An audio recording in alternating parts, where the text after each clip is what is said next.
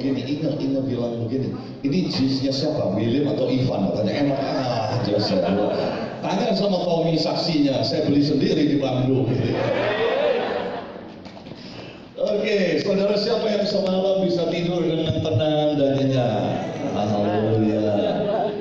Siapa yang makan belum kenyang? Saya juga. Oh, gak ada yang kenyang semua. Kecuali Hanania. Oke, saudara mari kita buka di dalam 1 Petrus pasal yang kedua, eh 1 Petrus 1 ayat yang ke-23. Bisa tolong di sini.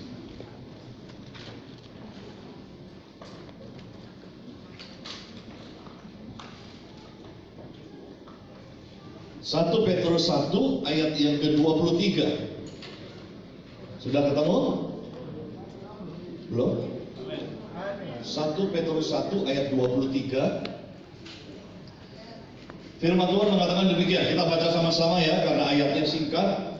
3, 2, 1 Karena kamu telah dilahirkan kembali, kembali bukan dari benih yang fana Tapi dari benih yang tidak fana Oleh firman Allah yang hidup dan yang kekal Petrus mengatakan begini, kamu ini sudah dilahirkan kembali, lahir baru. Saudara siapa di sini yang sudah mengalami kelahiran baru di dalam Tuhan? Amin. Nah, saudara orang yang mengalami kelahiran baru kita perlu tahu dengan jelas tentang ayat ini. Dikatakan kita sudah mengalami kelahiran dilahirkan kembali bukan dari benih yang fana, tapi dari benih yang tidak fana. Di dalam bahasa aslinya dikatakan apartos. Apartos itu artinya undecaying. Jadi tidak akan rusak, tidak akan busuk, tidak akan hancur. Immortal, abadi, segala eh, selama-lamanya.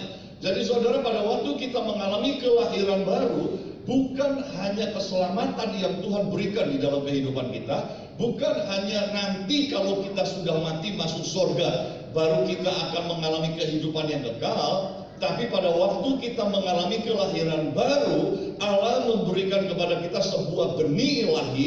Dengan kata lain, ada semua potensi yang sangat besar, potensi ilahi yang Tuhan taruh di dalam kehidupan kita. Jadi saudara pada waktu kita mengalami proses kelahiran baru, kita bukan cuma sekedar menerima anugerah keselamatan, tapi kita menerima seluruh potensi ilahi yang Tuhan miliki, yang Tuhan siapkan buat setiap anak yang pernah kehilangan pada waktu dulu ketika Adam dan Hawa tidak taat kepada Tuhan. Pada waktu Adam dan Hawa tidak taat kepada Tuhan, bukan mereka hanya kehilangan hidup kekal, tapi mereka juga kehilangan potensi ilahi yang ada di dalam kehidupan mereka. Nah, begitu kita lahir baru, maka potensi ilahi yang pernah ada di dalam kehidupan manusia itu Tuhan kembalikan di dalam kehidupan kita. Jadi saudara, apa pun keberadaan kita hari ini, seberapapun tinggi pendidikan kita, ini nggak ada urusannya dengan soal pendidikan kita. Tapi ada potensi ilahi yang besar Tuhan taruh di dalam kehidupan kita. Amin. Namun ada satu hal yang perlu kita perhatikan, satu hal yang perlu kita ketahui, yaitu di dalam ayat Matius pasal yang ke-13. Matius pasal 13 ayat 31 kita membaca ayat ini. Jadi dari dua ayat ini kita akan melihat dan inilah yang menjadi dasar untuk retreat kita selama tiga hari dua malam di tempat ini. Matius pasal yang ke-13 ayat 31. Sudah ketemu? Matius 13 ayat 31. Kita baca sama-sama. 2 3 2 1. Yesus membentangkan suatu perumpamaan lain lagi kepada mereka. Katanya, hal kerajaan surga itu seumpama apa? Biji sesawi yang diambil dan ditabur orang di ladangnya. Ayat 32. Memang biji itu yang paling kecil dari segala jenis benih. Tapi apabila sudah tumbuh, sesawi itu lebih besar daripada sayuran yang lain, bahkan menjadi pohon, sehingga burung-burung di udara datang bersarang pada cabang-cabangnya. Nah, saudara kita akan melihat di sini bahwa dikatakan bahwa hal kerajaan sorga itu seperti apa? Biji atau seperti benih sesawi. Pak Yeye baru pulang dari Israel. Saya tidak tahu apakah Pak Yeye bawa benih sesawi nggak? Bawa, bawa biji sesawi. Saudara beberapa tahun yang lalu, 10 tahun lebih, 2007, 2007 sekarang 2010 tahun, 2017. Tahun 2007 saya eh, waktu ke Israel, saya di pulang itu bawa benih benih sesawi. Karena tiap kali tur selalu dikasih lihat ini loh benih sesawi yang ditulis di dalam Alkitab. Jadi kita saya bawa pulang dan karena sebagai tour leader sisanya sama atau pembimbing rohani sisa yang dibawa oleh tour leader itu dia nggak mau pulang dia kasih ke saya. Saya bilang boleh lah nanti saya bagi-bagi kalau ada yang mau. Jadi saya saya ambil saya bawa pulang saya simpan saudara di dalam laci. Bertahun-tahun benih sesawi itu saya simpan di dalam laci. Sampai satu kali ketika saya konseling satu orang lalu ceritalah kita tentang potensi benih sesawi pada waktu saya cerita tentang potensi benih sesawi saya jadi ingat tentang benih sesawi yang saya punya di laci. Jadi saya bilang gini, kamu pernah lihat nggak biji sesawi itu sebesar apa? Belum pak. Saya buka ya, saya punya. Saya keluarin, saya kasih lihat. Oh kecil sekali ya dia bilang. Pak, bapak punya banyak, saya boleh nggak minta katanya satu atau dua butir aja. Oh jangankan satu dua butir, sepuluh juga saya kasih saya bilang gitu. Jadi saya kasih dia beberapa butir, masukin kantong plastik, dia bawa pulang. Dan saudara sampai di rumah dia cerita sama anak sama istrinya. Dia bilang begini, ini loh biji-biji sesawi yang dalam Alkitab ini sekecil ini. Lalu anaknya yang besar bilang gini, Pak, aku minta dong. Ya udah nih, nanti kalau kurang, uh, Papa minta lagi sama om kita, dia bilang. Jadi dia kasih. Lalu sama anaknya yang kecil itu benih sesawi ini ditaruh dia karena diajarin itu loh kecambah. Toge ditaruh di kapas gitu kan. Jadi dia perlakukan ini seperti itu. Dia ambil gelas aqua, dia kasih kapas, kasih air, kapas basah, lalu dia tabur, dia taruh biji sawi itu di kapas itu. Saudara cukup mengejutkan, besoknya benih sesawi itu tumbuh, bertunas. Saudara bisa bayangkan, bertahun-tahun di dalam laci saya, bertahun-tahun saya simpan di dalam plastik bersih, tidak pernah bertumbuh. Tapi selama bertahun-tahun saya simpan, tidak kena matahari, tidak kena air, tidak kena apa pun juga. Satu kali ditaruh di dalam gelas aqua, dia bertumbuh. Apa artinya? Potensi hidupnya tidak hilang. Betul? Potensinya hilang. Bertahun-tahun tidak kena matahari, tidak kena air, tapi potensi hidupnya tidak pernah hilang.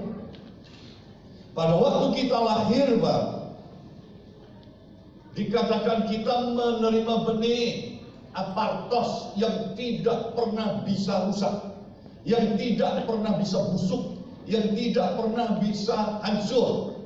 Artinya apa? Benih itu tetap ada. Kita mau sirami kena air ataupun tidak, benih itu potensinya tetap ada. Hanya satu di dalam ayat Matius pasal 13 ini. Benih yang punya potensi ini perlu sebuah media untuk menarik potensinya keluar. Media itu tanah. Makanya di dalam ayat pasal yang 31 dikatakan benih itu apabila ditabur di ladang. Benih itu ditabur di ladang dan ayat 32 apabila dia sudah bertumbuh maka benih yang kecil sekali itu potensinya akan berkembang menjadi besar sekali. Bahkan dia menjadi tanaman sayur yang paling besar dan burung-burung akan besar. Jadi saudara benih yang kecil di mana ada potensi yang besar, di mana ada potensi kehidupan, dibutuhkan satu media yaitu tanah untuk dia bisa bertumbuh. Kalau benih itu tidak ada medianya, maka benih itu tidak akan pernah bisa bertumbuh. Betul? Nangkap nggak saudara? Ada benih punya potensi kehidupan, tidak kena matahari, tidak kena air, bertahun-tahun saya simpan, tapi tidak mati, tidak hilang potensinya.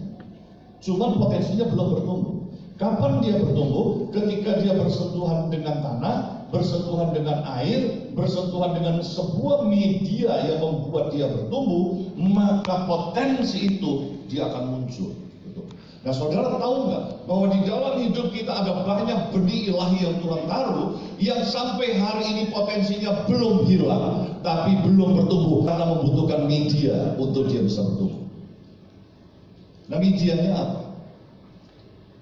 Kalau kita melihat tokoh-tokoh di dalam Alkitab, kita akan menemukan ada banyak sekali tokoh-tokoh Alkitab yang dipakai oleh Tuhan dari berbagai jenis keahlian, dari berbagai jenis skill.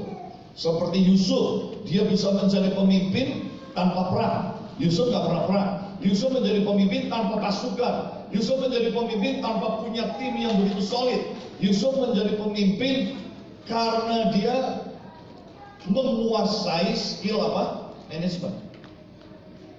Jadi saudara orang yang menjadi pemimpin bisa juga melalui jalur administrasi dia bisa menjadi pemimpin.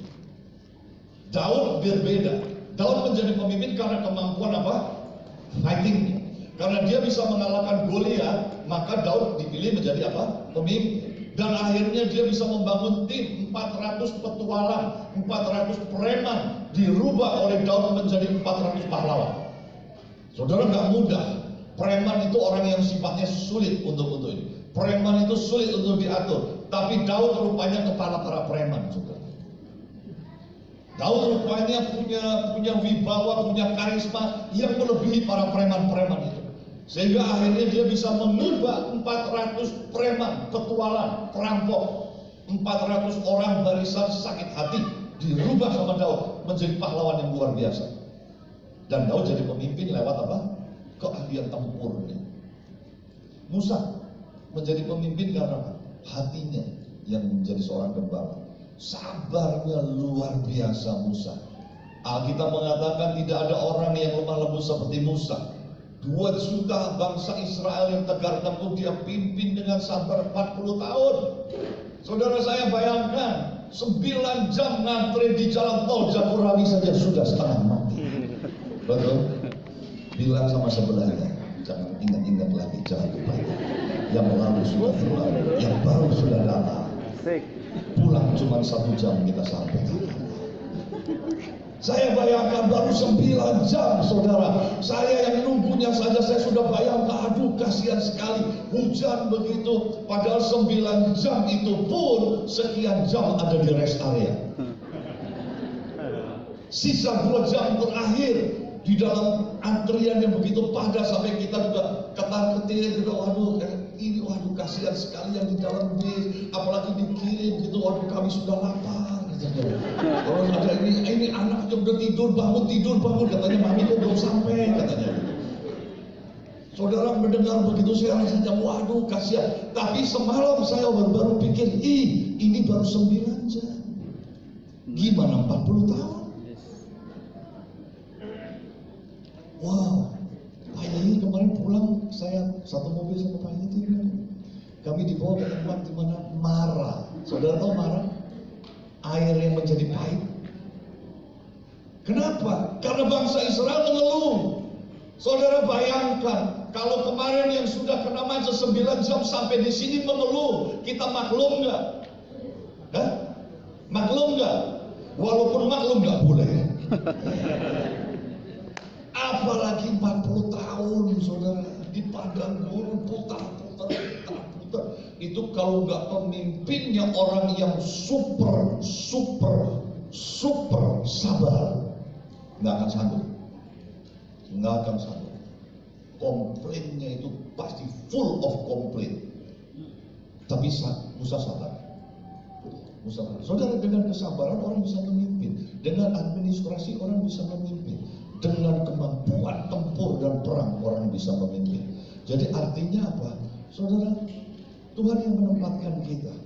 Apa pun potensi yang Tuhan taruh dalam hidup kita, apa pun keahlian yang nantinya Tuhan munculkan di dalam kehidupan kita, dengan itu kita bisa jadi pemimpin. Amin. Itu sebabnya, saudara, kita mau belajar supaya benih yang Tuhan taruh dalam hidup kita ini akhirnya bisa keluar, bisa bertumbuh, melalui satu media. Kalau benih medianya tanah, tapi kalau potensi yang ada di dalam kehidupan kita, medianya apa? Saudara saya coba me- me- merenungkan apa yang membuat supaya potensi ilahi yang Tuhan yang Tuhan taruh dalam hidup kita ini bisa ber- keluar berkembang secara maksimal dalam kehidupan kita. Saya coba mencari, saya coba mem- membuka berbagai buku dan dari situ lalu saya mulai melihat tokoh-tokoh Alkitab. Saya menemukan ternyata medianya bukan bukan sesuatu benda, ternyata medianya bukan sesuatu eh, skill, ternyata medianya adalah keadaan yang namanya proses. Tuhan sering kali menempatkan kita dalam posisi-posisi yang mungkin dalam keadaan tidak enak. Tuhan menempatkan kita dalam posisi-posisi yang memang kita diizinkan mengalami hal itu. Tujuannya apa? Supaya potensi yang di dalam diri kita itu bisa keluar. Dibutuhkan yang namanya attitude, sikap. Jadi rupanya medianya itu adalah keadaan. Yusuf untuk mengeluarkan potensinya apa yang harus dilakukan oleh apa yang harus dialami oleh Yusuf difitnah sama saudaranya dibuat sampai ke istana Potifar ditaksir sama istri Potifar. Dia tolak istri Potifar. Difitnah lagi sama istri Potifar. Berapa kali Yusuf difitnah? Dari situ saja dua kali. Saudara kandungnya fitnah dia istri Potifar fitnah dia. Yusuf salah nggak? Enggak. Yusuf hidup dalam kebenaran. Bayangkan kalau seandainya Yusuf tidak kuat dalam menghadapi hal itu. Bayangkan kalau seandainya Yusuf nggak sanggup menghadapi keadaan situasi itu maka seluruh potensi yang ada di dalam hidupnya tidak akan pernah berkembang dan dia tidak akan pernah mencapai titik puncak kepemimpinannya. Rupanya ada medianya, ada keadaan di mana Tuhan melatih kita untuk apa? Keluar, muncul lewat keadaan. Jadi rupanya attitude. Itu sebabnya Harvard University maupun satu buku yang saya baca dari pengarang yang namanya Les Giblin. Dia seorang pakar marketing yang luar biasa. Tapi waktu saya memperhatikan dia bilang gini, ternyata pada waktu kita mempengaruhi orang, pada waktu kita meyakinkan orang, itu bukan soal skill dia bilang. Tapi lebih soal kepada apa? Attitude, sikap. Kalau orangnya gampang menyerah, kalau orangnya tidak akan tahan untuk menghadapi semua tantangan yang ada, maka walaupun dia seorang yang skillful sekalipun, dia tidak akan pernah bisa sukses. Tapi jangan main-main sama orang yang attitude-nya pantang menyerah. Walaupun dia tidak skillful, tapi karena dia orang yang pantang menyerah, maka orang ini jauh lebih sukses daripada orang yang yang punya skillful tapi mudah menyerah. Itu sebabnya saudara, kalau kita membaca talenta yang dapat dua talenta, lima talenta, lima talenta, dua talenta sama yang satu talenta, yang satu talenta tidak berkembang. Kenapa? Karena dia tidak punya sikap yang benar. Bukan nggak punya potensi, bukan tidak punya talenta. Dia punya talenta, tapi sikapnya yang salah. Nah saudara selama retreat ini kita akan belajar tiga hal attitude sikap yang dibutuhkan untuk kita semua supaya kita potensi ilahi leader yang ada di dalam kehidupan kita bisa berkembang yaitu apa komitmen saudara komitmen dibutuhkan tanpa komitmen potensi ilahi dalam hidup kita tidak akan pernah bisa berkembang sebenarnya kalau bicara tentang komitmen dari sekolah pun kita sudah dilatih untuk komitmen yang kedua bicara tentang apa antusiasme antusias. Saudara, kalau orang sudah tidak punya antusias, dia akan kehilangan semangat. Kalau orang tidak punya antusias, dia tidak akan mau melangkah lagi. Itu sebabnya kita akan belajar di dalam tiga hari dua malam tempat ini atau tinggal dua hari lagi. Kita belajar. Kita mau terbuka melalui setiap keadaan. Apa yang kita akan pelajari sini baru teorinya. Tapi kapan kita prakteknya nanti waktu kita pulang ke Jakarta waktu kita pelayanan. Tapi kita perlu dibekali dulu. Kita perlu punya komitmen. Saudara, waktu Tuhan Yesus bicara sama murid-muridnya, saya mempelajari apa yang dikatakan oleh Rick Warren. Dikatakan bahwa pada waktu Yesus pertama kali mengajak muridnya, dia tidak meminta komitmen yang terlalu tinggi. Dia cuma minta kamu ikut aku. Selesai. Bahkan Tuhan kasih bukti dulu, kasih bonus dulu, kasih ikan yang luar biasa banyaknya, kasih sesuatu yang luar biasa lalu dia bilang kamu ikut aku. Jadi bayangkan, Petrus berpikir, uh, indahnya dan enaknya dekat bersama Yesus. Sepanjang malam aku mencari ikan, tidak dapat satu ikan. Ketika aku dekat bersama Yesus, jala ikan, dua perahu penuh, hampir tenggelam. Bayangkan kalau aku bersama dengan Yesus, berapa banyak ikan yang akan aku dapatkan, berapa banyak hasil aku dapatkan. Jadi saudara orang sering kali waktu awalnya ingin mencari apa? Berkat, ingin diberkati. Tapi sejalan dengan pertumbuhan, akhirnya Yesus bilang dalam Lukas pasal 9 ayat 23. Dikatakan dia bilang, barang siapa mau mengikut aku, dia harus apa? Menyangkal dirinya, memikul salibnya setiap hari, dan mengikut aku. Siapa yang mau memelihara nyawanya dia tidak akan tidak layak. Tapi siapa yang mau berani kehilangan nyawanya karena aku, dia akan mendapatkannya. Saudara, akhirnya Tuhan Yesus menuntut komitmen mutlak. Jadi komitmen perlu bertumbuh di dalam kehidupan kita. Nah, di dalam buku acara ada lingkaran pertumbuhan komitmen LPK. Kita tahu dari mulai pertama kita datang kita mau diberkati. Seperti saya datang, saya juga datang ikut Tuhan karena dulu saya ingin disembuhkan. Tapi saudara sejalan dengan uh, berjalannya waktu saya di dalam Tuhan sampai pada satu titik ketika saya membaca firman Tuhan kitab Daniel pasal yang ketiga, saya nangis saya bilang Tuhan sembuh atau tidak sembuh itu urusan Tuhan. Tapi satu, saya akan tetap melayani Tuhan apa pun yang terjadi. Komitmen harus bertumbuh di dalam hidup kita. Amin. Komitmen nggak bisa dibawa terus, apalagi kita para partners. Komitmen kita harus semakin bertumbuh. Dan yang terakhir adalah hospitality yang didasari dari satu spirit pengabdian. Saudara, sebuah pengabdian tidak akan bisa diwujudkan tanpa ada sebuah apa? bentuk uh, ekspresinya. Ekspresinya apa? Hospitality. Kita mau apa? Melayani sesama. Kita mau memberikan pelayanan kepada sesama dengan sikap apa? Sebuah pengabdian. Nah, tiga hal ini tidak dimiliki oleh yang punya satu talenta. Ketika yang satu talenta melihat ini, dia nggak punya komitmen itu. Kenapa? Karena dia nggak punya pengabdian. Dia bilang enak aja tuannya. Dia kasih aku, aku yang suruh kerja, nanti dia pulang dia yang ambil. Enak aja, dia nggak punya spirit pengabdian. Akibatnya apa? Potensi yang Tuhan taruh dalam hidup dia, satu talenta, dia tidak pernah berkembang. Kenapa? Karena dia nggak punya tiga hal ini. Dia nggak punya komitmen, dia nggak punya antusiasme, dia dia kehilangan antusias.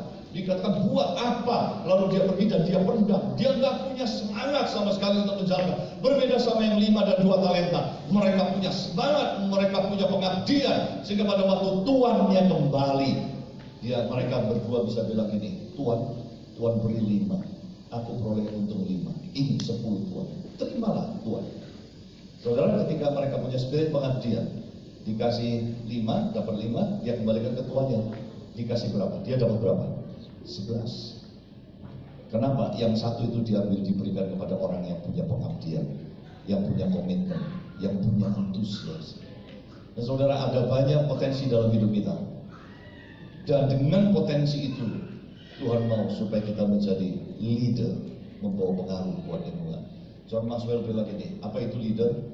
Leader itu orangnya, tapi di dalam diri leader ada leadership. Leadership itu apa? Influence, pengaruh. Makanya Tuhan bilang kamu adalah terang, kamu adalah garam. You are the light. You are salt of the world. You are bukan kamu menjadi aku jadikan kamu adalah. Jadi artinya potensi itu sudah, sudah ada dalam hidup kita. Membawa pengaruh buat lingkungan kita. Tapi Tuhan perlu media. Itu sebabnya saudara, jangan kaget. Kalau di dalam perjalanan kita bersama dengan Tuhan, Jangan kaget kalau di dalam pelayanan kita ada banyak keadaan yang tidak berjalan sesuai dengan yang kita harapkan. Halo, tahu? Seringkali kan kita mau pelayanan kalau kalau kita berjalan sesuai dengan yang kita harapkan. Tapi sering kali di dalam pelayanan ada keadaan kondisi yang Tuhan sengaja izinkan terjadi dalam hidup kita. Keadaan yang gak enak, keadaan yang kita gak suka, tapi diizinkan. Kenapa? Karena ini merupakan media untuk mengeluarkan komitmen kita, untuk mengeluarkan antusiasme kita, untuk mengeluarkan hospitality kita, untuk mengeluarkan semua potensi. Saudara untuk bicara komitmen kalau dalam keadaan baik itu semua mudah. Tapi komitmen diuji ketika goncangan itu terjadi. Komitmen suami istri diuji ketika ada goncangan, betul? Komitmen suami istri diuji, dibutuhkan ketika perasaan cinta yang berbunga-bunga sudah hilang. Bunganya hilang, saudara. Tinggal pokoknya saja cicilannya. Banyak orang yang bisa komitmen ketika wah dalam suasana pacaran saya komit sama kamu. Tapi ketika pernikahan sudah 20 tahun, rasa setrumnya sudah hilang kalau Pak Jonathan bilang. Rasa setrumnya sudah hilang, rasa kerennya sudah hilang. Di situlah komitmen dibutuhkan. Dan saudara, Tuhan mau supaya komitmen itu muncul. Tapi ketika kita bisa melewati masa itu dan akhirnya produk komitmen itu muncul, maka kita akan mendapatkan berkat anugerah kuasa Tuhan yang luar biasa di dalam. Saudara kalau Yusuf nggak komitmen, dia tidak akan pernah jadi pemimpin. Kalau Daud tidak komitmen, dia tidak akan pernah jadi pemimpin. Saudara kehidupan Daud sangat susah. Kondisinya sangat susah, dimusuhin banyak orang, dilupakan bapaknya, dimusuhin sama papa mertuanya sendiri, mau dibunuh sama papa mertuanya sendiri. Dia lari, dia punya kesempatan untuk balas dendam sama bapaknya, dia punya kesempatan untuk bunuh Saul. Tapi Daud tidak pernah mau lakukan itu. Kenapa? Karena itu adalah media yang Tuhan izinkan.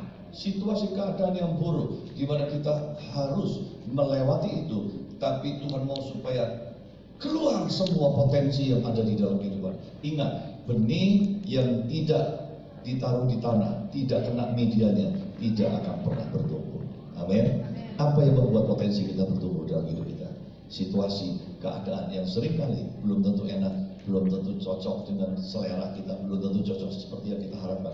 Tapi kalau itu terjadi dalam hidup kita, jangan mundur, jangan menyerah. Terakhir, satu menit, waktu saya sudah habis. Saudara, saya jadi penatua pernah mundur tujuh kali. Yang terakhir saya sudah tulis surat, saya sudah mau kirim ke sinode pada waktu itu ketuanya Pak Bambang. Saya mau mundur. Kenapa? Gak gampang jadi penatua. Pak Yeye juga pernah mundur. Pak Yeye malah pernah meninggalkan kami. Pahitan. Karena waktu disalamin, yang nyalamin melengos. Sakit hati Pak Yeye. Gede-gede gini bisa sakit hati. Tapi rupanya Tuhan izinkan. Tuhan izinkan sampai satu kali Tuhan ingatkan dia bilang, masa baru begitu aja sakit hati. Waduh terlalu rendah saya kalau begitu saya harus balik saudara. Dan sekali balik tetap balik sampai hari ini. Kita berjalan bersama Oh kita bukan orang yang sempurna saudara. Jangan saudara pikir kita ngalami enak. Gak enak saudara.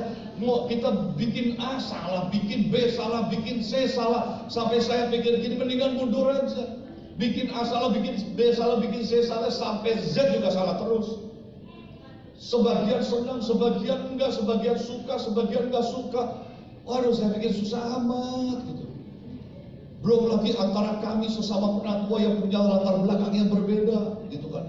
Yang satu bilang maju, saya bilang jangan, mundur gitu kan.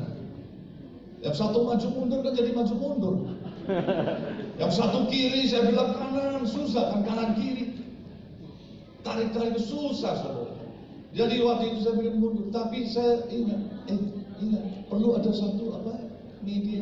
Saya memang harus ada satu keadaan. Di situlah kita diuji, kita setia, kita kuat, kita bertahan, kita maju terus, kita terus menyerahkan hidup kita kepada Tuhan atau tidak. Yesus menghadapi hal itu di Taman Getsemani. Dia udah kata, Bapak kalau boleh cawan ini lalu, tapi jangan kehendak, kehendakmu yang jadi. Ada banyak tantangan, ada banyak ujian, ada banyak situasi yang memang Tuhan izinkan terjadi dalam hidup kita. Itu adalah medianya supaya potensi kita keluar. Amin. Amin. Bilang sama sebelahnya. Siap-siap aja bro. Siap, siap, bro. Tanah sudah menanti. Tanah, oh jangan bilang gini, enak aja kamu, bukan tanah sudah menanti, gua sudah di dalam tanah sekarang. Gitu. Sudah mulai keluar, amin. Tapi ingat, di balik semuanya itu, kita akan melihat kemuliaan Tuhan terjadi dalam hidup kita. Amin, haleluya. Saya kembalikan ke pemimpin siap uh, acara, Biges. Kita doa dulu, mari kita doa dulu. Bapak terima kasih. Kami tahu Tuhan, ada benih ilahi yang Tuhan taruh dalam kehidupan kami. Ada benih ilahi yang tidak pernah mati, tidak pernah busuk, tidak pernah rusak. Tapi semua benih itu tidak akan pernah muncul kalau benih itu tidak berada di dalam tanah. Tanah merupakan satu keadaan di mana supaya benih ilahi itu keluar dalam hidup kami. Sekarang kami tahu, apa pun keadaan kami pada hari ini, apa pun keadaan kami, situasi seberat apa pun, semua itu tidak akan membawa keburukan dalam hidup kami. Tapi justru akan memunculkan benih ilahi di dalam hidup kami. Keluar. Dan Tuhan, kami percaya setiap kami yang mengalami kelahiran baru, kami adalah pemimpin-pemimpin yang Tuhan siapkan. Kami adalah pemimpin yang membawa pengaruh untuk lingkungan kami, untuk keluarga kami, untuk tetangga kami, untuk teman kantor kami, untuk orang-orang di sekeliling kami, melalui seluruh potensi ilahi yang Tuhan taruh dalam kehidupan kami.